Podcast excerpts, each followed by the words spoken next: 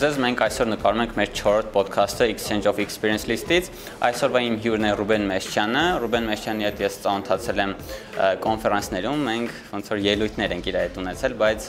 տենց երբեք իրար չենք աշխատել։ Կարծում եմ շատ հետաքրքիր է այսօր լինելու, որովհետև շատ լավ հարցեր են քննարկելու նամանավանդ սկսնակ ծրագրավորողների համար, ովքեր որ նոր են ուզում ծրագրավորում սովորել։ Ողջույն Ռուբեն ջան։ Մի երկու բառով կպատնես քո մասին ընդհանրապես ո՞նց ես սկսել, ո՞նց ես մտել ես ոլորտ եւ այլն, տենց հետաքրքիր ինչ որ բաներ։ Okay, սկսենք ամենասկզբից երևի։ Ուրեմն ես որ փոքր էի, տենց չէի մտածում ծրագրավորման մասին ընդհանրապես։ Ուզում էի տենց երևի բժիշկ դառնամ, բան, ինչ որպես լավ բան էի ուզում անեի։ Ու տենց ընդունվեցի համասարան Ամերիկայում, Բոստոնի համասարանում, pre-med ծրագիր, այսինքն այնտեղ ինչ է, 4 տարի ուրեմն սովորում ես ոնց որ բժշկական ինչ որ բաներ, հա, բիոլոգիա, քիմիա, բան եւ այլն։ Հետո նոր ընդունվում ես ուրեմն բան բժշկական Այտենց այդ առաջինը 4 տարվա այդ բակալարվի ընդունվեցի ու ընթացքում հասկացա, որ մի րոպե, բայց ինձ նաև լիքը ուրիշ բաներ են հետաքրքրում ու տենց դժվարացա էլի կենտրոնանալ մի բանի վրա։ Ու իրականում ընտրեցի ոնց որ կոմպյուտերային գիտություն, իրականում լավ չիմանալով թե ինքը ինչ է իրանց ներկայացնում, բայց հասկանալով, որ կոմպյուտերները ամեն տեղ են, ու եթե ես ոնց որ կոմպյուտեր սովորեմ, ինչ այդ ժամանակ չգիտեի կոմպյուտերը ինչ է, բայց կոմպյուտեր որ սովորեմ, ամենտեղ կարողանամ աշխատեմ ու արդեն այդ այդ խնդիրը չեմ ունենա, էլի որ մի բան պետք է ընտրել։ Ու տենց ընտրեցի կոմպյուտերային գիտություն, հայտնվեցի ուրեմն ծրագրավորման դասընթացում, C++ դասարանում ու տենց սկսեց իմ կյանքը։ Ու հետո ինչ որ աշխատանք գտար, ո՞րն էր առաջի քո աշխատանքը։ Okay, ուրեմն երբ որ արդեն բակալարովի տարվա արդեն վերջերում, ես ման էի գալիս գործ, բնականաբար ոչ ոք ինձ գործի չէր ընդունում, որտեղ ես փորձ չունեի։ Հասկանալի է, ես էլ ինձ գործի չէի ընդունում okay, հետո ասացի, okay, լավ, internship ընդունվեմ։ Ոչ ոք internship չեն ընդունում։ Ու բոլորը նույն խնդիրն են տալիս։ Ասում էին դու փորձ չունես, դու ոչ մի բան չգիտես, դու ընդհանրապես ինչ որ տնային աշխատանքներ ես արել, այդ ոչ մի բան չի մեզ համար չի ներկայացնում, հենց որ չենք ընդունում։ Ու տենց, տենց մի քիչ ասացի լավ, սպասի, այսքան սովորեցի, սովորեցի, հիմա մի տեսակ չեմ կարողանում էլի ոչ միտեղ ընդունվեմ։ Ու տենց մտա Craigslist, որը ոնց որ list AM-ն է Ամերիկայի ու Craigslist-ում գտա մի հատ տենց post, որը startup էր, լրիվ նոր։ Ու ասում էր, հա, ուրեմն, ոբշեմ մարդ ենք ման գալիս։ Ես էլ տենց գրեցի այդ մարդուն, արել կլինի հանդիպենք։ Բաների սենց coffee shop-ում հանդիպեցինք, բան։ Ես ես մարդա ասում է, ուրեմն լսի, ես քեզ ոչ մի փող չեմ տալու, 0 դու աշխատելու ես լիքը, որովհետև հիմնական ծրագրավորող հենց դու ես լինելու։ Քեզ տալու եմ ինչ որ կետ 0.001%-ային ստոկ, հա, ասենք 0 ամբողջ ես իմ հասկացաք ու տենց, ինչ ես ասում։ Ասի թույն, ուզում եմ։ Ճարես ինչ, չէ։ Ու տենց, հա, ու վերջապես զուտ որ փորձի համար, հա, ու այդ ուրեմն այդ ստարտափի համար ես աշխատացի մոտ 1.5 տարի, ու ընթացքում սովորեցի C# որը այդ ժամանակ նոր լեզու էր, ու տենց հավես էր, ու հնարավորություն ունեցա product սարքել լրիվ 0-ից։ Այդ ժամանակ ես լրիվ ոչ մի բան չգիտեի, ու ընթացքում ոնց որ ահագին գիտելիքներ ձեռք բերեցի։ Բայց վերջում իհարկե այդ ստարտափը տակտվեց, այդ սախ կոդը գցեցի նախ, բայց այդ փորձը այդքան գործ անելու, առավոտից իրիկուն կոդ գրելու, այդ խնդիրները լուծելու եւ այլն, ոնց որ մնաց իմ հետ։ Հա։ Ու միջև այն սարրեմ։ Հասկացա։ Քանի որ հարցերի շարքում հենց հարց կա, որը վերաբերում է համալսարանին ու համալսարանի մասին խոսք գնաց, արդյոք ոնց որ չես փոշմանել, որ համալսարան ես գնացել, որ համալսարանից դուրս գայր ես նույն level-ին կլիներ, ինչ որ ինչ որ ինչի որ հասել ես, դրան կհասնեիր քո կարծիքով դժվար է ասել։ Նայեք, որտեվ համասարանը տալիս է որոշ հմտություններ, որոնք որ կարևոր են հիմնականում նու կոնկրետ կոմպյուտերային գիտության հետ ենք էլի, եթե խոսում, համասարանը լիքը դետալներ է տալիս, որը պետք է գիտության համար։ Այսինքն, եթե դու ուզում ես խորը մտնես կոմպյուտերային գիտության մեջ եւ հասնես այն սահմանի, որտեղ որ գիտելիքը ավարտվում է, որտեղ որ արդեն գիտությունն է սկսում, հա, համասարանը դա ես տալիս է, ինչու, որտեվ ով է տալիս դաս համասարանում, հենց գիտնականները, այսինքն իրանք ոնց որ ժառանգում են իրանց ինֆորմացիան քեզ եւ հասցնում են եւ բերում են իրենց նիշին, որպեսզի դու շարունակես իրենց աշխատանքը, չէ՞։ Նպատակը համասարանի համենայնդեպս կոմպյուտերային գիտության մեջ ես ընդունում եմ, որ դա է։ Հիմա ես անձամբ, բայց գիտությունով երբեք չեմ զբաղվել գիտնական չեմ։ Ես միջև մագիստրատուրա գնացի ու արդեն անցա գործի Հիմա զուտ աշխատանքային առումով, եթե ես ասենք այդ 4 տարի, թե չէ, 6 տարի, որտեղ 4 տարի բակալավրի, 2 տարի մագիստրատուրա, եթե այդ 6 տարին աշխատեի, ես իհարկե լիքը բան սովորեի, հա, industry-ից բայց ես դրա տեղը համասարանում այդ գիտնականներից ստանում եմ այն վերջին ինֆորմացիան, հա, կոմպյուտերային գիտության մասին։ Ու այս կարևոր է, գիտեք, պետք է անջատել կոմպյուտերային գիտությունը ծրագավորումից։ Ծրագավորումը մի հմտություն է ուղղակի։ Այո, գիտնականներն են շատ լեզուներ ստեղծել, որոնք որ որոնց որ հիմա մենք ծրագավորում ենք։ Այո, իհարկե բայց վերջապես կոմպյուտերային գիտությունը դա հենց դա է գիտությունը իր մեջ շատ տարբեր դետալներ են մտնում եւ արհեստական ինտելեկտ եւ cryptography եւ, չգիտեմ, computational theory, այնտեղ լիքը դետալներ կան, որը իրականում ամեն օրվա ոնց որ ծրագրավորողը առանց մտածելու օգտագործում է, բայց օգտագործում է, ոչ թե խորը մտածում է եւ ինքն է ստեղծում։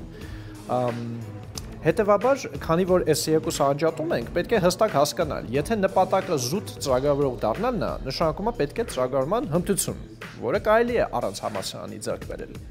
Բայց եթե խոսքը գնում է կոմպյուտերային գիտության մասին, դա արդեն լրիվ ուրիշ բան է։ Ու դա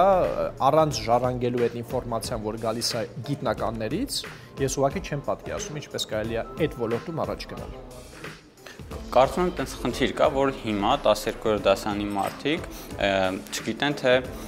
ընդունվեն համասան, թե չընդունվեն, այսինքն չգիտեն իրենք ոնց են շարունակելու առաջ, այսինքն գիտությամբ են խորանալու, օրինակ AI machine learning դա անելու են, թե web են անելու։ Ու ոնց խորտ կտաս օրինակ ոնց մարդ կողմնորոշվի ինչ ծրագրավորում, ինչ ծրագրավորում ընտրի web կամ չգիտեմ mobile development եւ այլն շատ տեսակներ կան, չէ՞։ Ու դրանից կախված գնա համասան, թե չգնա, քո խորհուրդը։ Okay, ես ես sense կարաչակեի, որ 4 տարի ինվեստիցիան, որը հենց այն է, ինչ որ դու անում ես, երբ որ դու ընդունում ես համասարան, չէ՞, բավականին լուրջ ինվեստիցիա է քո կյանքի որը արժի անել, բայց այն ժամանակ, երբ որ դու հստակ հասկանում ես ինչի ես դա անում եւ ուր է դա տանում, հա։ Նենց որ եկասեի հետեւյալը, եթե դու նոր ես ավարտում ու դեռ չգիտես ուր ես գնալու, ինչ ես անելու, միանգամից համասար միգուցե պետք չի գնալ։ Միգուցե մի տարի աշխատում ես տարբեր տեղեր, շփվում ես մարդկանց հետ, միգուցե եթե կարողանում ես իհարկե կորոնայի վիճակում եւ իհարկե ֆինանսական մի քիչ աշխարհն ես մանգալիս բան, որ կոմնորոշվես, թե դու ինչ ես ուզում անես այս կյանքում։ Երբ որ դու հասկանում ես ինչ ես անում կյանքում, արդեն մնացածը զուտ մոտեցումն է թե ինչպես, հա? Արդեն կորոշես թե համասարանն ամենաճիշտ օրինակ եմ քեզ տալիս։ Մարդիկ կան, որոնք որ երազում են դառնալ ծրագրավորող, չէ՞։ Միջև գնալը համասարան, իրանք կարող են ընդհանրապես գնան եւ մտնեն այն ընկերություններում, որտեղ որ իրանք կցանկանային աշխատել, թե դա Pixar-ը, թե որտեղ է, եւ ուղակի հարցնեն, որտեսի ես ստեղ աշխատեմ, ինձ ինչ է պետք։ Եթե Pixar-ի ժողովուրդը օրինակ ասի ձեզ, ձեզ պետք է գնալ այսինչ այսինչ համասարան 4 տարի սովեյովեն, օքեյ։ Բայց բա որ չասեն, անիմաստին չէ, հասկանում եք, չէ՞, այսինքն միշտ պետք է օպտիմալ ճանապարհը որոշել։ Իսկ դրա համար պետք է նախորոք մի քիչ ստրատեգիա հավաքել, թե դու ուր ես ուզում գնաս։ Հետո նոր արդեն ճիշտ ճիշտ ճանապարհով գնա։ Ու կարծում եմ շատ տարբեր մարդկանց կարծիքներ ու խորհուրդներ պետք է լսել, որովհետև կարող ինչ որ մեկի հարցնես ինքը ասի, չէ, համալսարան եւ վերջ, պետք է գնաս համալսարան սովորես, այդ գիտելիքը շատ պարտադիր է, կարող է մյուսը ասի, ոնց որ օրինակ ես, որ համալսարան պետք է, եթե զուտ web development ես ուզում անես։ Ես ուզում եմ որ նենց լինի, որ համայնքը հասանելի լինի բոլորին ու եթե ինչ որ մեկը հարց ունի ու արդյոք ոնց որ պետքա գնամ ես համասան թե չէ, փորձի համայնքին այդ հարցնի, հա, community-ին հարցնի, բայց դեռ այդ խնդիրը կա, որ շատ շատերը դեռ չգիտեն, որ կա իրական տես ծրագրավորողների համայնք, որ կան մտնեն ազատ հարցեր տան եւ այլն։ Քո կարծիքով ոնց կարելի է այդ համայնքը հասանելի դարձնել բոլորին հետաքրքիր հարց է տալիս։ Բանը դե կան նախ եւ առաջ կոնֆերենսներ, չէ՞, JS Conf-ը կա, Dual Conference-ը կազմակերպում JavaScript-ի, այնտեղ բան կա, Barcamp-ը կա եւ այլն, որոնք որ ոնց որ հավաքում է մարդկանց մի տեղ։ Այդտեղ կարժի ոնց որ ծանոթանալ տարբեր մարդկանց հետ, սպիկերների հետ եւ այլն, եւ սկսել շփվել եւ կոնտակտներ վերցնել Facebook-ի, ասենք ով ինձ գրել է, ցանկացած ուսանող, ցանկացած, չգիտեմ, 12 տարեկան երեխայից միջև ով ինձ գրել, ես միշտ պատասխանել եմ։ Այսինքն ես resource եմ, do resources, այսինքն ու մեր պետ մեզ մեզ նման շատերը կան։ Ուղղակի մեզ հետ պետք է ծանոթանալ եւ կապ այդ ստեղծել, այդքան բան։ Շատ լավ Այ օրինակ շատ մարդիկ գնում են հաշվապահություն են սովորում կամ ուրիշ ինչ-որ ոլորտից որոշում են, որ պետքա ծրագրավորում սովորեն։ Այ իրենց համար ինչ խորհուրդ կտաս, որտեղից սկսեն։ Շատերը չգիտեն թե ոնց սկսեն, էլի։ Սովորաբար մարդիկ մտածում են, որ գնան ուսկ կենտրոն, այդ ամեն ինչը կսովորեն ու կմտնեն աշխատանքի։ Ոնց է օրինակ, որ ուզում ես կավագործ դառնաս, գնում ես ինչ որ մեկի մոտ սովորում ես։ Հիմա շատ մարդիկ տենց են մտածում, գնամ ուսկ կենտրոն, մի 2-3 ամիս սովորեմ, վсё, կաշխատեմ Այդ դու ինչ խորհուրդներ կտաս։ Ոնց սկսենք։ Ցավոք այդքան հեշտ չի։ Նայեք, ես այս օրինակը հաճախ եմ տալիս։ Պատկերացրեք, երեխան սովորում է գրել կարդալ, չէ՞։ Նոր է սովորում գրել կարդալ։ Գրել կարդալ գիտի։ Կարող է իր միտքը արտահայտել գրելով։ Ու գնում է ու ուզում է ընդունվի որպես լրագրող։ Իրենք ընդունեն գործի։ Երեխա նորը։ Նոր է սկսում սովորել, չէ՞։ Բնականաբար չէ, որովհետև գրել կարդալը դե այն ամենապարզ մինիմալ, հա, օքեյ, այդ գիտես, բայց միտքն է կարևոր, չէ՞ վերջապես։ Թե դու ինչ ես արտահայտում, թե դու ինչ ես գրում քո հոդվածի մեջ, դու ինչպես ես այդ խոսքերը ձևավորում, որ իրանք օպտիմալ լինեն, հեշտ կարդացվեն, անե հազար ու մի ուրիշ նյուանսներ կան, չէ՞։ Ծրագրավորումը նույնն է։ Այսինքն այն փաստը, որ դու կարող ես տիրապետես ինչ-որ մի ծրագրավորման լեզու, որ դու հասկանում ես loop-ը ինչա, if-ը ինչա եւ այլն, Դա այն ամենա այն առաջին level-ն է, բայց երկրորդ հարցը ինչ ես արտահայտելու, ինչպես ես արտահայտելու, ոնց է ձևակերպելու քո կոդը, որ ինքը օպտիմալ լինի, լավ աշխատի, հեշտ կարդացվի, շատ խնդիրներ չունենա իր մեջ եւ այլն եւ այլն, չէ՞ դա է կարևորը։ Իսկ դա տենց 3 ամսում ես ուղղակի չեմ պատկերացնում ինչպես կարելի է բերել, նույնպես ինչպես որ չէի պատկերացնում, ինչպես երեխան, որը նոր գրել է, գրել կարդալ է, դառնալու է պոետ, օրինակ։ Ժամանակ է պետք, փորձ է պետք այսինքն ինչ է ստացվում, որ մենք երբ որ սովորում ենք, եթե ուզում ենք մտնել այս ոլորտի մեջ, առաջին հերթին պետք է սովորել ոնց որ գրել կարդալը, հա, այսպես ասած, որը ծրագրավորման ինչ որ մի լեզու է, որի միջոցով մենք կարող ենք փոխանցենք մեր մտքերը կոմպյուտերին, չէ՞։ Դա երբ որ մենք գիտենք, դա էլի եմ ասում, դա այդ առաջին այդ գրել կարդալու level-ն է որից հետո մենք արդեն պետք է սկսենք աշխատել աշխատել ոչ թե փող ստանալով, այսինքն պրոյեկտների վրա աշխատել, այնքան որպեսի փորձ փորձ ձեռք բերենք, որ ժամանակի ընթացքում արդեն կարողանանք կոչենք մեզ ծրագրավորող, բայց այդ ճանապարհը կարծ չի, ցավոք։ Քո կարծիքով միջին ինչքան ժամանակ պետք կգա, որ դու գոնե ինչ որ internship կամ սկսնակի աշխատանք գտնես, էլի։ Նայած ինչ աշխատանք web development։ Եթե կայք ես հավաքում, կարող է երևի տենց էլի նայած ինչ ընկերություն, նայած իհարկե քո կարողությունները, բայց ասենք 6 ամսից մինչև մի տարի կարող է, կարող է Բայց եթե այդ web development-ը գալիս է ինչ որ լրիվ ուրիշ մակարդակի, որտեղ որ ինչ որ կոդեր են գրվում, ինչ որ ալգորիթմներ են մշակվում այդ կոդի մեջ, հա, այսինքն ինչ որ շատ լուրջ ծրագիր է, ոչ թե կայք, այլ ծրագիր, որը ուղղակի աշխատում է բրաուզերի մեջ։ Դա արդեն լրիվ ուրիշ բան է եւ դրան արդեն պետք է հասնել երևի մինիմում 2 տարի պետք է աշխատես միջև հասնես այն վիճակի, որ քո կոդը սկսեն ընդունել որպես production էլի, այսպես ասած։ Բարձ է։ Իսկ մարդիկ, որ ասում են, օրինակ ես ընդհանրապես ոլորտից տեղյակ չեմ, դրա համար ուզում եմ գնամ ուս կենտրոն ու ոնց որ այն փաթը գտնեմ, էլի, թե ոնց շարունակեմ առաջ։ Քո կարծիքով այդ ամենալավ տարբերակն է, թե ուրիշ տարբերակ առաջարկես, որ մարդիկ կարան տենց սկսեն իրենց ուղին։ Դե նայ, ես ես միշտ փորձում եմ ճանապարհները շատ են, կա համասարանը, կա ուս կենտրոնը, կան ինտերնետի վիդեոները, որ դու ես սարքում եւ այլն, չէ, որոնք իրանք ռեսուրսներ են, գրքեր կան, որ կարող են ուղակի նստեն ինքնուրույն կարդան։ Հարցը նրանում է թե օպտիմալ ճանապարհը որն է, չէ, օպտիմալը որն է։ Ոնց շուտ հասնեն եւ օպտիմալ ձևով հասնել ինչ որ կետին։ Հիմա եթե նպատակը web development-ն է, դա հասնելու համար ուս կենտրոնը այո, կարող է օգտակար լինի, բայց եկեք սկսենք մի հատ ավելի པարզ բանով։ Մի հատ գիրք, մի հատ վիդեո, այդ մակարդակի վրա ու տեսնեք, եթե ստացվում է, եթե ինքնուրույն ստացվում է, ավելի լավ, ոչ փող եք ծախսում, ոչ բան, տանը նստած հանգիստ YouTube-ը միացնում եք ու սովորում եք։ Շատ լավ է, դրանից լավ բան։ Եթե զգում եք, որ դա օքեյ, լավ է, բայց մեկը մեկը պետք լինի, որ ոնց որ գլխից կանգնի մի քիչ հա, օքեյ, հաջորդ քայլը ուս կենտրոնն է։ Իսկ եթե զգում ես, որ էդ էլ քիչ է ու դու ավելի խորը, ավելի ոնց ասեմ, ավելի առաջ ես ուզում նայես ու ավելի խորանաս դետալների մեջ, օքեյ, այդ արդեն համասարանն է։ Այսինքն արժի մի քիչ level-ներով նայել։ ու ոչ այսինքն ոնց այդ կոշիկը բոլոր ոդկային չի հագնում, հա, տարբեր կոշիկներ են պետք է օպտիմալ ճանապարհ ուղղակի գտնել։ Ու ելի եմ ասում, ես միշտ կողնակից եմ սկսել ամենապարզ ու ամենաէժան տարբերակով։ Եթե ինքնուրույն կարող ես ինտերնետից սովորես, սովորի։ Եթե փորձի, եթե չի ստացվում, նոր ուսկ կենտրոն, եթե չի ու տենց լեվելներ կարելի է։ Մի բան շեշտեմ, կարծում եմ համամիտ կլինես ինձ հետ, եթե դաժե ուսկ կենտրոն են գնում, այդ կարող է դաժե քիչ լինի։ ուսկ կենտրոնի հետ կուրսը անցնենք 6 ամիս, բայց ելի այդ քիչ լինի, որ մենք ընդունում ենք աշխատանքի։ Միշտ ոնց որ պետքա ինքնուրույն մեր վրա աշխատանք համաձայնես, չէ՞ որ միշտ գրքեր կարդանք, վիդեոներ նայենք, այդ միշտ լինելու է, էլի։ 100% մի հատ ոնց որ ծանր բան ունեմ ասելու, այն մարդկանց, որոնք որ ուզում են մտնեն այս ոլորտում, դա այն նաև որ ծրագավորումը անընդհատ քեզ ոնց որ ծեծում է ու ասում է դու ոչ մի բան չգիտես, դու ոչ մի բան չես հասկանում, դու Ինչու, որովհետև ցանկացած պրոյեկտ, որ դու սկսում ես, ընթացքում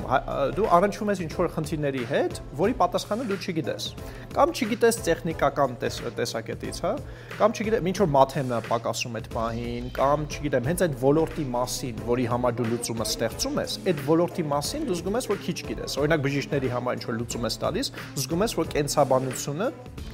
քիչ է, հա, չես ձգում Հետևաբար լուծումը տեխնիկական չես կարող տաս, պետք է նստես ցերկեցաբանություն սովորես։ Այսինքն ամենակարևոր հմտությունը կարելի ասել, որպես ծրագրավորող, որ մենք պետք է ձեռք բերենք եւ պատրաստ լինենք դրան։ Դա նաև որ մենք առնչվենք խնդիրների հետ, որ մենք չգիտենք, գնանք գտնենք այն աղբյուրը, որից կարող ենք սովորենք այդ գիտելիքները, շուտ սովորենք եւ կիրառենք։ Եվ այդպես։ Ու այդ ցիկլը անընդհատ շարունակվում է եւ ելի եմ ասում, դա եւ տեխնիկական խնդիրներ են, եւ ոլորտի խնդիրներ են, մաթեմի, բիոլոգիայի կապ չունի մենք անընդհատ սովորում ենք եւ այն պահից որ մենք բլոկ անենք ու ասենք հոպ ես հոգնել եմ, չեմ ուզում ինչ որ բան սովոր, պրոյեկտը ուղղակի առաջ չի գնա եւ այդքան բան։ Այսինքն researching skill-երը շատ-շատ կարևոր են։ Շատ կարևոր է եւ research-ը, եւ շուտ հասկանալը, սովորելը, եւ կարողանալ դա կիրառելը, որտեվ նայեք, շատ հաճախ օրինակ համասարանում երեխաները նստած են ուսանողները ու լսում են դասախոսը ոնց է խոսում։ Ունես մոտավորապես հասկանում են, բայց այդ մոտավորապես հասկանալու տարբերությունը ու կարողանալ այդ ինֆորմացիան կիրառել սալյուզոր է, հա? ու այսինքն պետք է այդ հմտությունը ստանալ էլի որ ոչ թե ուղղակի տենց մակերեսային կարդալ կամ լսել, այլ լավ հասկանալ, որպեսի ռեալ ինչ որ լուծում տալ դրա հիմնված վրա։ Այ օրինակ խոսեցիր համալսարաններից, ասեմ, որ Ռուբեն Մեշյանը դասավանդել է AUA-ում JavaScript-ը, չէ՞, դասավանդում, թե ընդհանուր ծրագրավորում։ Ես սենց ասեմ, ես ես միշտ ընդունել եմ, որ ես երբեք JavaScript չեմ սովորացել։ Ես սովորացել եմ ծրագրավորում,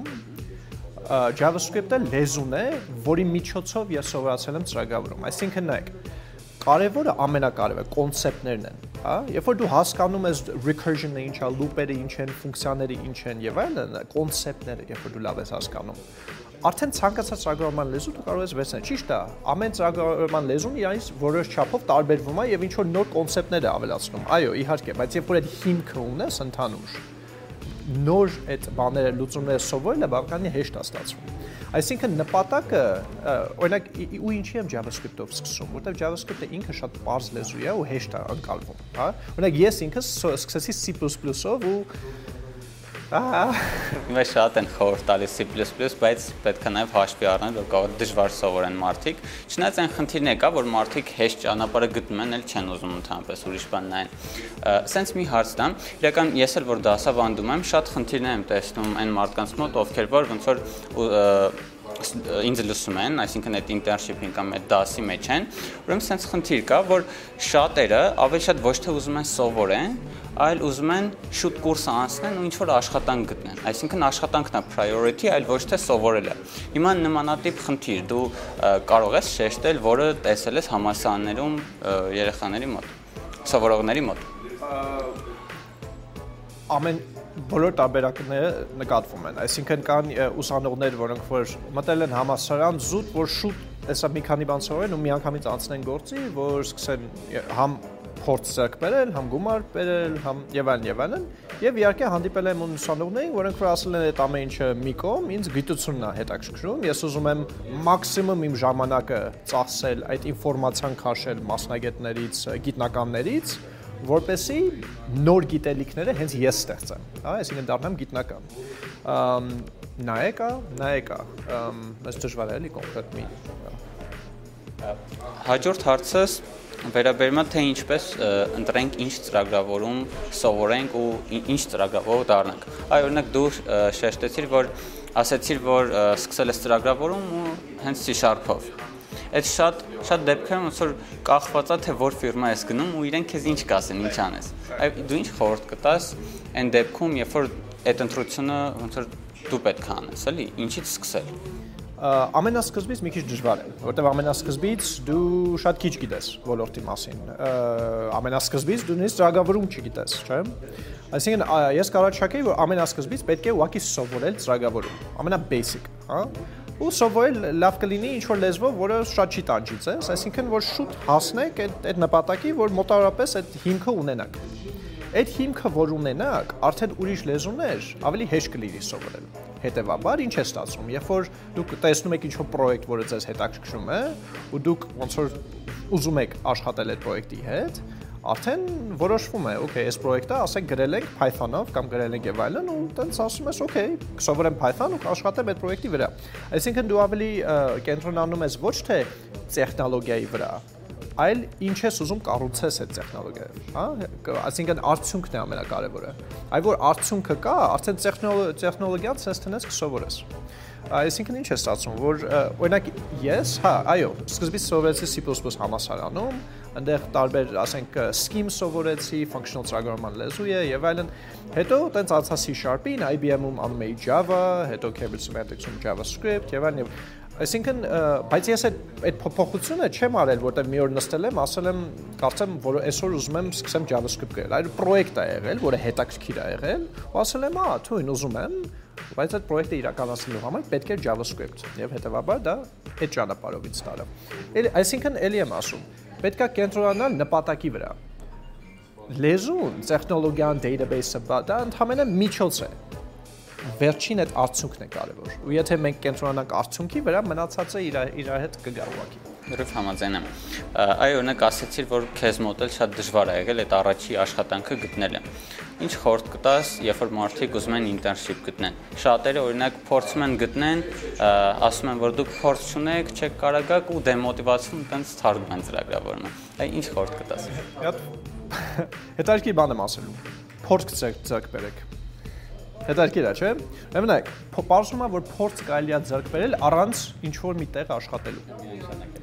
ինքնուրույն, այսինքն դու ստեղծում ես ինչ-որ պրոյեկտ ինքնուրույն ու աշխատում ես իրավը։ Ոչ ոք քեզ ոչի փող չի տալիս, ոչ մի օֆիս չես գնում, տանը նստած պրոյեկտի վրա աշխատում ես։ Դա կարող է լինի canvas-ով ինչ-որ խաղ, որ անընդհատ զարգացնում ես, ինչ-որ ավելորդ բաներ ես ավելացնում մեջը։ Դա կարող է լինի կայք, կարող է տարբեր։ Ու ինչքան շատ աշխատես ու ինչքան հարուստ լինի այդ պրոյեկտը, հա, տարբեր ինչ-որ տեխնոլոգիաներ օգտագործես, database կպցնես, բանանես,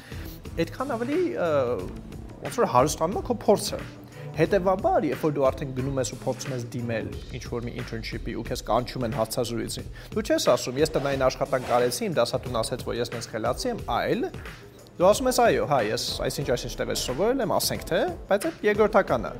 բայց դու ասում ես նա ինչ եմ արել եկեք GitHub-ը բացեմ ու տեսեք ինչ պրոյեկտներ կան ու եկեք խոսանք իրանց մասին կոդը ցույց ես տալիս իրանք հարցեր են տալիս տեխնիկական դու պատասխանում ես ասում են ինչի ես սենց արել դու ասում ես դե իրականում ես մտած մտածի ես մնացած տարբերակների մասին ու ես որոշեցի այս տարբերակը որպեսի ամենաօպտիմալ այսինչ այսինչ պատճառներով այ դա արդեն մասնագիտական խոսակցություն է ոչ թե արդեն մանկապարտեզ չի այ երբ որ սկսես խոսել որպես մասնագետ արդեն քեզ կընդունեն որպես մասնագետ եւ կընդունեն գործի, բայց միջև այդ, երբ որ դու ուղակի ասում ես ես դասատուները ասացին, որ ես շատ խելացի եմ, այդ մակարդակը ուղակի ռեալ չի, էլի աշխատանքի համար շատ լավ խորհուրդ է, իրական ես էլ միշտ ասում եմ, ասենք նայեք ձեր սիրած կինո նայելու կայքը կամ չգիտեմ Facebook-ը, փորձեք կրկնօրինակը սարքել ու այդ ժամանակ կլիկ-կլիկը փորձ ձեռք բերեք ու հաստատ դա շատ լավ ոնց որ պլյուս կլինի ինչ որ internship կամ աշխատանք գտնելու համար։ Ես հիմնականում sense խորհուրդ եմ տալիս ու ուզում եմ քո կարծիքը լսեմ դրա վերաբերյալ երբ ասում են մեծ ֆիրմայում աշխատեմ, թե փոքր ֆիրմայում, ասում եմ փոքր ֆիրմայում, ստարտափերում հիմնական, որ աշխատես, շատ-շատ շատ բան քո վրա է լինելու, որովհետև ընդ չկա առանձին թիմ, որը DevOps անում, առանձին թիմ, որը front անում։ Դու ես սաղ անում ես, ու որ սաղ ոնց որ նագրուսկան այդ քո վրա է անկած, դու շատ-շատ-շատ բան ես սովորելու։ Դրա համար ոնց որ խոր չեմ տալիս, սկզբում գնան ինչ-որ մեծ ֆիրմա, որտեղ իրենք ինչ-որ փոքր դետալ են լինելու, այսինքն անելու են մենակ ինչ-որ փոքր հատված այդ ամբողջ պրոյեկտից։ Ասում եմ գնացեք ինչ-որ կամպանիա, որտեղ 10 հոգի են, 100 հոգու փոխարեն, ու դու անում ես շատ գործ։ Գիշերը օրինակ չես քնում։ Դա շատ ոնց որ շատ լավ կանադառնա ընդհանուր քո կարիերայի վրա քո կարծիքը շատ ճիշտ է այսինքն երբ որ մենք խոսում ենք փորձի մասին չէ ոչ բոլոր փորձն է հավասար Ինչ նկատի ունեմ, որ մարդ կարող է, ասենք 2, 3, 4 տարի աշխատի ինչ-որ պրոյեկտի վրա, ու անի քիչ թե շատ նույն տիպի բաներ, հա, նույն տիպի լուծումներ տա, ու եթե դա անում է 4 տարի, իր փորձը բնականաբար այնքան հարուստ չի, ինչքան որ մի մարդը, որ էլի թեկուզ 4 տարի աշխատել է ու էլի թեկուզ նույն նույն պրոյեկտի վրա, բայց աշխատել է տարբեր դետալների վրա եւ հետեւաբար առնչվել է տարբեր խնդիրների հետ եւ տեսել է տարբեր տեխնոլոգիայի դետալները, չէ՞։ Բնական է, բայց այդ մարդու գիտելիքները եւ կարողությունները շատ ավելի հարուստ են նենց որ այո, լրիվ համաձայն եմ։ Եթե հնարավոր է հայտնվել այն միջավայրում, որտեղ որ դու առնչվում ես շատ տարբեր խնդիրների հետ, բնականաբար քեզ կտա այդ intellectual հարստությունը, որը կդրթի դառնալ ավելի լավ ծրագրավորող այ այդ ժամանակ ինչ ես կարծում քո կարծիքով արդար է որ մի մարդ աշխատում է ինչ որ ֆիրմայում 4 տարի անում նույն բանը ու ինքն էլ է կոչվում որ senior developer ու մեկը ով որ sense գիշեր ցերեկ տանջվում է լիքը որ knowledge ունի տարբեր տեղերից ու ինքն էլ է կոչվում senior developer տենց ես մեկ-մեկ որ տեսնում եմ դեմոտիվացում է ինձ այդ փաստը բայց քո կարծիքը որ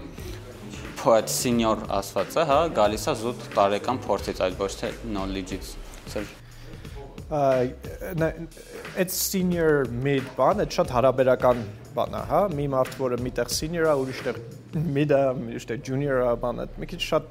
նայած ոնց ես էլի գնահատում։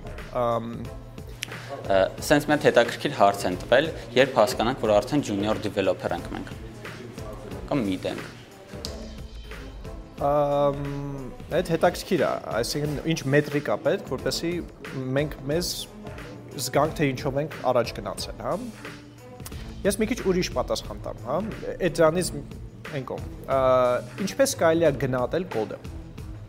Այսինքն, ինչպես կարող ես զգաս, որ քո կոդը ունի ինչ-որ մակարդակ։ Հետիք չի, որ նա աշխատի, նա պետք է լինի པարս։ Եվ մեծ տարբերություն կա այն ծրագրավորողներից, որոնք որ ստեղծում են կոդ, որը ուղղակի աշխատում է, հա, ասենք որ կլիկ են անում, տեստ են անում, ասում են, հա, էլի, այդ ու վсё։ Կա դա։ Եվ կա այն մասնագետը, որը հերիք չի, որ այդ ամեն ինչ անում է, այլ ստեղծում է կոդ, որը շատ པարս է։ Ինչի է շատ կարևոր ստեղծել པարս կոդ։ Նախ եւ առաջ իր սխալները, սխալները քանակի կոդի ակնհայտ ավելի քիչ կլինեն։ Ինչի՞, որովհետև սխալ թույլ տալ, երբ որ կոդը բարթաղ, կոմպլեքս է բան, բնականաբար ավելի հեշտ է, քան թե երբ որ կոդը շատ པարզ է, չէ՞։ Այդ մեկ, երկրորդը, երբ որ կոդը ավելի པարզ է, իրան ապագայում հետո կարդալ, փոխել, ինչ որ բաները ավելացնել շատ ավելի հեշտ է։ Այսինքն ակնհայտ մակարդակ ունի կոդը իր པարզությամբ։ Եվ ամենաուժեղ ծրագրավորողներն են նրանք են, որոնք որ հերիք չի, որ ստեղծում են շատ օպտիմալ կոդ, որ արագ է աշխատում, լավ է աշխատում եւ այդ բարձա։ Բայց բացի դրանից ստեղծում են նենց կոդ, որը շատ པարզ է եւ կարդացվում եւ հետո փոխել եւ այլն եւ այլն ու դա է մեծ տարբերությունը junior-ի ու senior-ի, հա, senior-ը, որը մտածում է հերիք չի ինչ աշխատի, այլ մակարդակը, հենց կոդի մակարդակը։ Այ դա senior է։ Իսկ ուղակի որ կարողանամ իրականացնեմ պրոյեկտը, որը աշխատում է ու ոնց որ համընկվում է այն պահանջին, որ ինձ տրվել է, այ դա junior-ն է, mid-ն է կարելի ասել մեջտեղն է։ Չգիտեմ ոնց կարող ես հաշվարկես մեջտեղը, բայց դա այն մեջտեղն է, էլի։ Քո կարծիքով ինչպես դառնալ team player որ թիմում լավ լավը լինես, էլի հեշտ աշխատես մյուսների հետ։ նու նախ եւ առաջ պետք է լինել մի քիչ բարի։ Այսինքն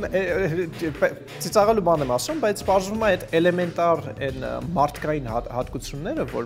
որի մասին մենք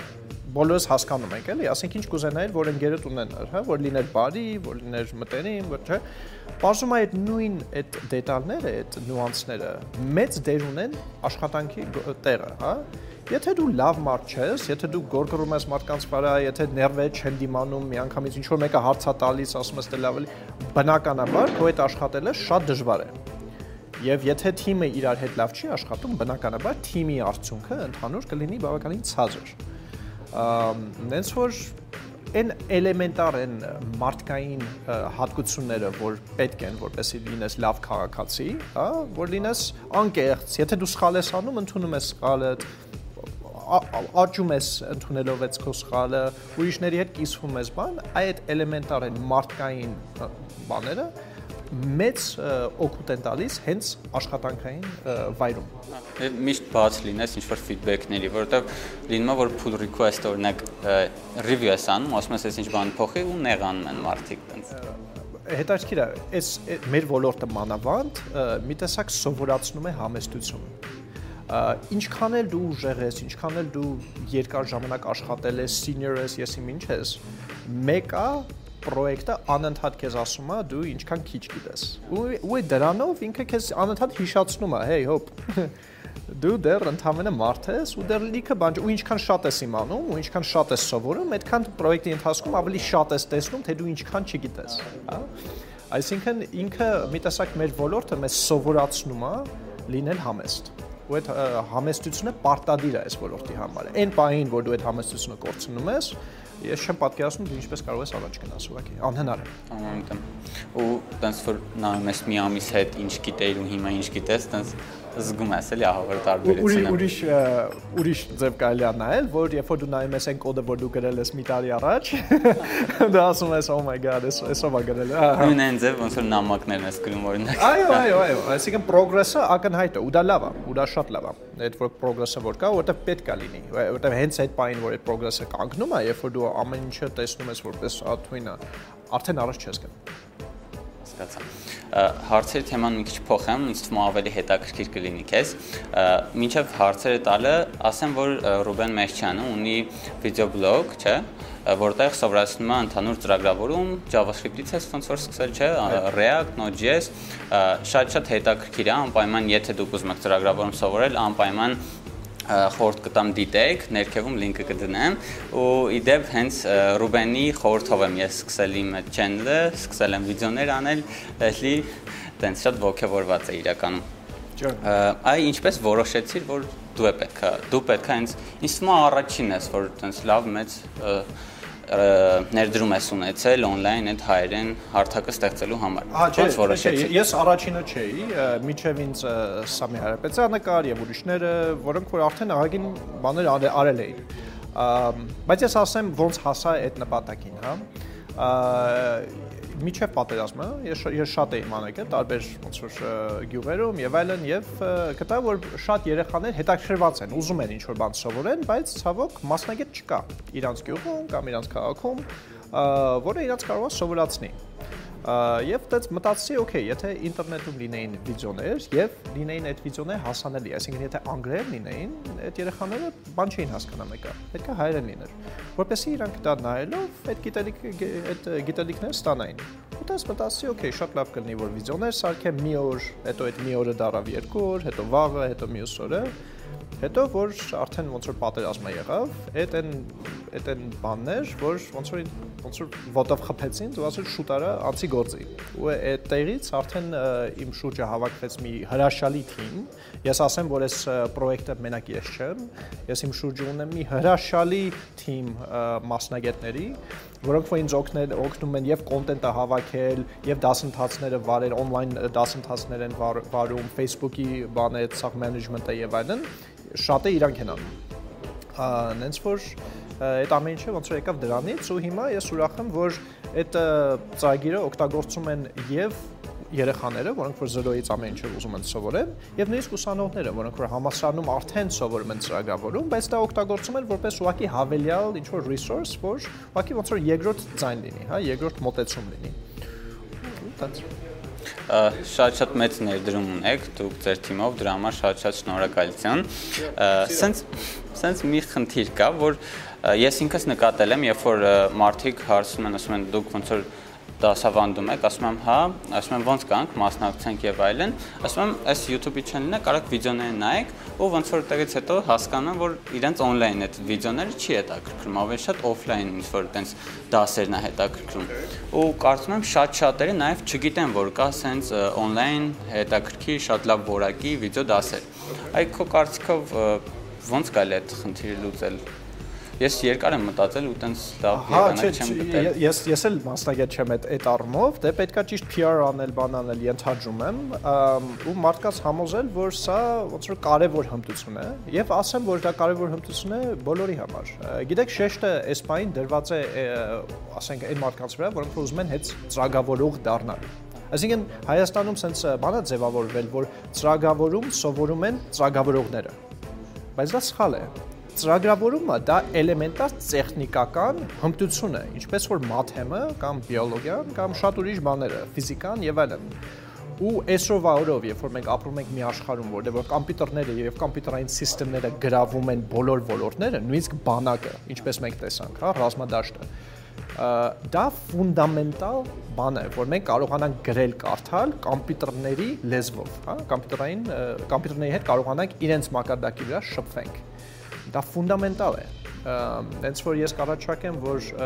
այդ ծրագրավորումը ոչ միայն սովորեն այն մարդիկ որոնք որ հետո ուզում են թե web development-ով զբաղվեն թե այլ բոլորը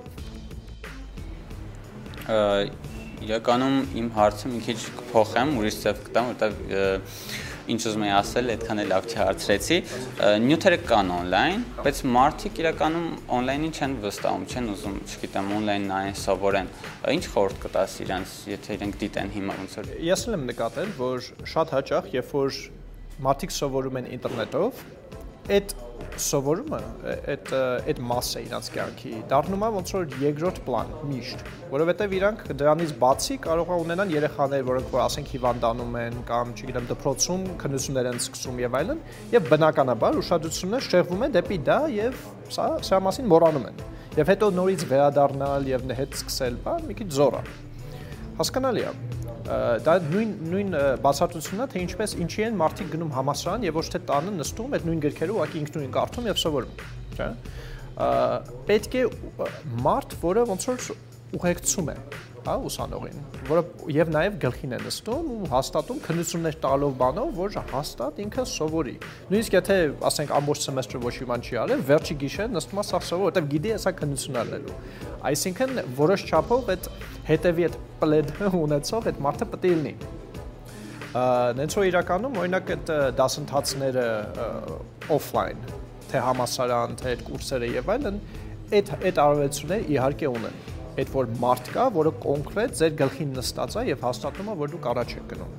ըմ այդ կարելի ասել ամենամեծ առավելությունն է ունենալ կոնկրետ տես դասընթաց թե չէ բացի դրանից եթե մենք զուտ նյութային տեսակետից ենք նայում ամեն ինչ որ իրանք սովորում են այդ դպրոցներում կան արդեն գրքերում եւ YouTube վիդեոներում նենց որ ես կարաչակեի որ եթե նույնիսկ այդ վիդեոն միայն այդ վիդեոներով դժվարանում են սովորել այդ վիդեոները կարող են օգտագործեն գոնե որպես երկրորդական նյութ երբ որ իրանք սովորում են ինչ-որ դպրոցում բայց միշտ մեր ոլորտում ինքնակրթությունը շատ-շատ կարևոր է։ Ինչ խորհուրդ կտաս ոնց այդ ինքնակրթությունը ունենանք մեր մեջ, այդ սքիլը ոնց ձեռք բերենք։ Միակ վարիանտը ուղակի անելն է։ Այսինքն այնքան պետք է առնչվես խնդիրների հետ, որ դու չգիտես, ու պարտադիր պետքա գնաս սովորես, ինչու մի բան պետք է պարտադրի, որ դու գնաս սովորես, գոնե ամենասկզբից։ Պրոյեկտը դրանով է լավ, որովհետև եթե դու չես գնում սովորում, պրոյեկտը առաջ չի գնում, ու պրոյեկտը չի իրականանում, հա։ Դրա համար ես ինչի եմ շատ սովորում ծրագա սիրում ծրագավորումը, որտեղ ծրագավորում, երբ որ դու սովորում ես, հետո սկսում ես պրոյեկտներ անել։ Այդ պրոյեկտն է, որ քեզ անընդհատ քաշում առաջ ու ասում է, «Էս է սովորի, որ առաջ գնամ, էս է սովորի, որ առաջ գնամ»։ Ու պրոյեկտը մի տեսակ պարտադրում է, որ դու սովորես, որպեսզի ինքը զարգանա։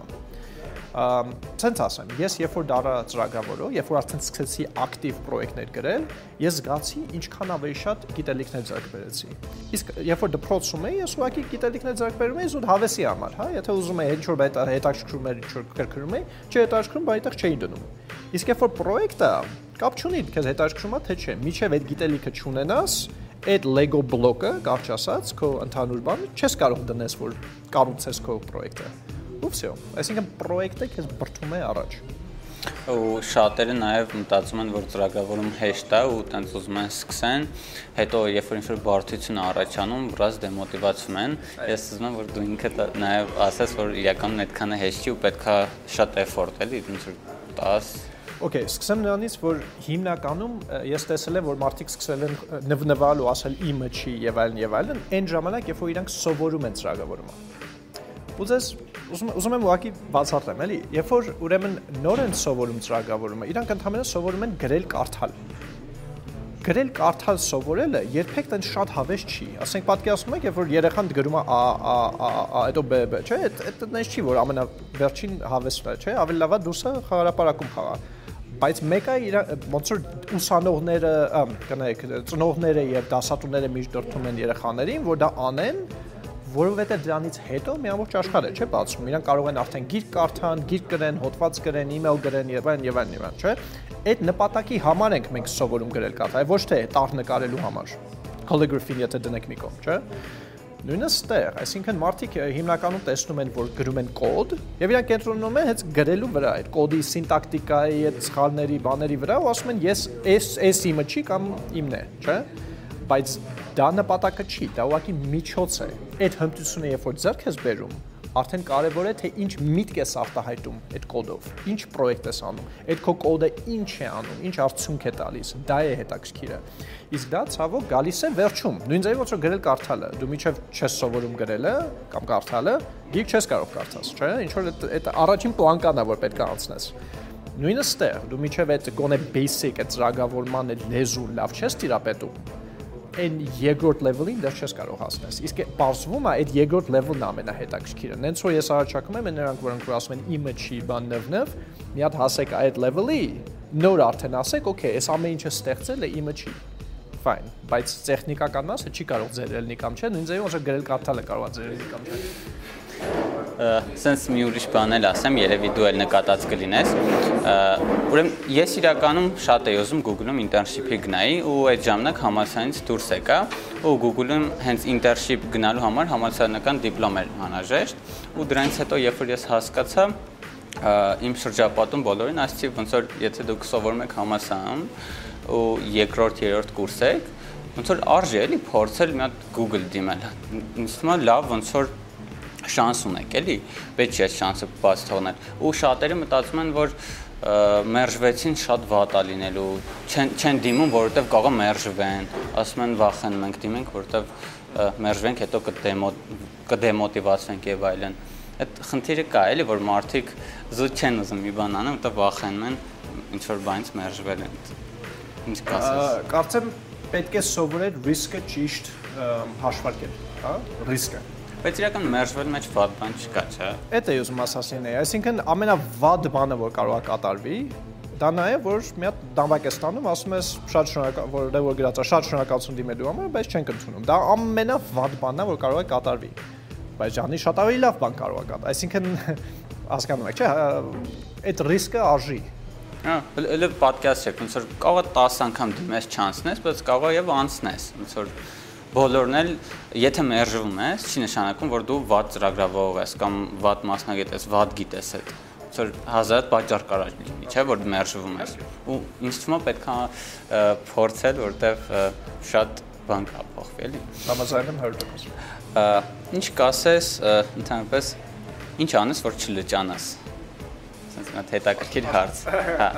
Մարդիկ գնում են, ինչ-որ ֆիրմայում են աշխատում, նույն բանն են անում, տենց տարեց տարի իրենց աշխատավարձը բարձրանում է, բայց իրենք լճանում են ու երբ որ պահը գալիս է, որ այդ ֆիրման օրինակ փակվում է, իրենք պետքա ուրիշ ֆիրմա գնան, տեսնում են, որ հոп 10 անգամ քիչ են իրան առաջարկում։ Տունելի մեջ են հա, հա, հասկացա։ Ծախսերը շատանում է, իրանք քիչ գիտեն ու տենց մի հատ օրինակ ձեզ բերեմ, ուրեմն ես IBM-ում էի աշխատում, մի հատ տղա կար, ինքը ինչ որ կոնկրետ պրոյեկտի վրա էր աշխատում։ Բայց sense հետաքրքիր է, ինքը բոլորին գիտեր թիմում, բոլորին անձամբ, անուններով, ընտանիքներով, բանով, սաղին գիտեր։ Հերիք չի։ Ինքը գիտեր բոլորը ինչով ինչով են զբաղվում, ինչ լեզվով են գրում եւ այլն համել գիտից քաշում էր իրանց կոդերը ուսումնասիրում էր ուրիշների մեջ լրիվ ուրիշ ասենք կողքի պրոյեկտ է կապ չունի չէ մեկը խաղում էր իրանց պրոյեկտի պրոյեկտի հետ այսինքն աշխատացնում էր բագ էր գտնում մտնում էր դիբագ էր անում գտնում էր սխալը ու իրանց ասում էր բան է ստողում մի հատ հատկենա բան code review-ների էր մասնակցում բայց իր գործը չէր իր գործը չէր այսինքն նայեք sense բան է ստացվում որ մենք որպես ծրագրավորող պետք է մի քիչ մենք պետք է սիրենք մեր գործը երբ որ մենք հետաքրքրվում ենք թե ինչա կատարվում ինչա ստեղծվում ո՞նց է նա ստեղծվում հա ում համար է դա ստեղծվում դա առաջին քայլն է երկրորդ քայլը արդեն գնաս ու սկսես սովորել այդ ամեն ինչի մասին ու այդ ժամանակ դու արդեն լինում ես շատ ավելի հարուստ եւ գիտելիքներով եւ արդեն դու դառնում ես այն մարդը ընկերության, որ եթե ինչ որ խնդիր կա, ասում են լավ, սաղ գիտի, իրան հարցրու, ինքը սաղին գիտի, գիտի, եթե նույնիսկ ինքը չիմանա պատասխանը, ինքը կիմանա ով է աշխատում այդ խնդիրի վրա, որ այսինքն routing կանի, էլի ոնց որ Այսինքն միշտ պետք է լինել այդ տիպի մարդ, որ դու չապրես ուղակի սահմանափակված քո կղզի մեջ, դրանից մի քիչ դուրս գաս ու միշտ շփվես։ Ես շփվես եւ մարդկանց հետ, եւ պրոյեկտների հետ։ Եվ ոչ ոչ ոք չի գա ու ասի, չէ, դու իրանք չունես այս կոդը նայելու, բան, դա բան հիմնականում չի լինում։ Ահա, որ կա այդ հնարավորությունը, ուղղակի պետք է օգտվել այդ հնարավորությունից։ Իրականում հարցերը վերջացան, եթե ինչ-որ խորհուրդ ունես կամ խորհուրդներ ունես, ազատ կարող ես ասել։ օքեյ, ուրեմն որպեսի դառնալ լավ ծրագրավորող, պետք է շատ կոդ գրել շատ եւ լավ կլինի տարբեր կոդեր, հա, որպեսի առնչվել տարբեր տեխնոլոգիաների հետ, տարբեր խնդիրների հետ։ Ու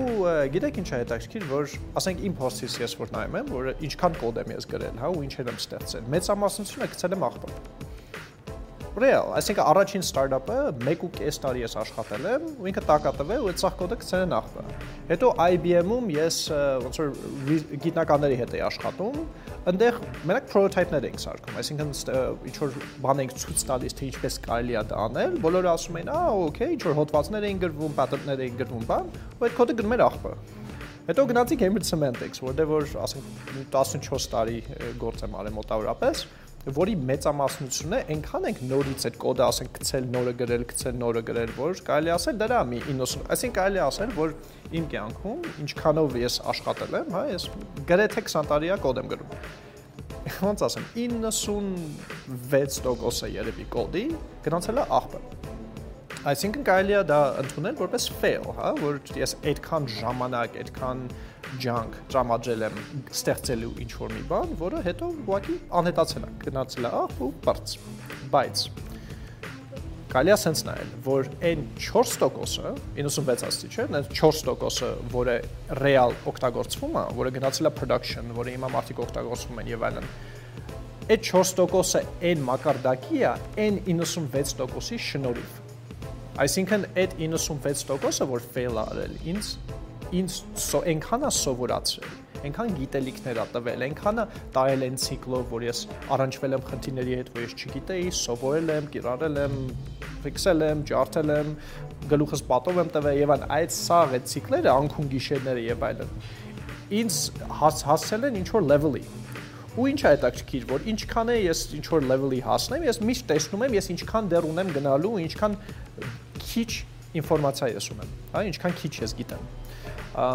նենց որ առաջարկում եմ հետեւյալը, որ եթե դուք ուզում եք դառնալ ուժեղ մասնագետ, պետք է ձեր մասնագիտությամբ շատ աշխատեք այդքան բան ժամանակի փոխարինող բան չկա ստեղ ասինքն ինչ պետք է ուղակի ժամանակ ներդրում մեծ քանակով որպեսի հասնել ինչ որ մի նպատակի։ Ու միշտ ֆեյլերին ոնց որ լավ նայեք, որովհետև միշտ այդ ֆեյլերից ինչ որ բան կարա քաղեք դաժե կյանքում, երբ որ ինչ որ բան հետդ վատա լինում կամ ֆեյլա լինում, դու դրանից պետքա փորձես միշտ լավ լավատես լինես, լավը քաղես, էլի։ 100%։ Դե ինչ այսօր այսքանն է շատ շնորհակալություն Ռուբենին, որ համաձայնվեց ու եկավ մեզ հետ խոսեց, կիսվեց իր փորձով, խորհուրդներ տվեց եւ շնորհակալություն գրտնակին environment-ը տրամադրելու համար։ Կհանդիպենք։ Բակա։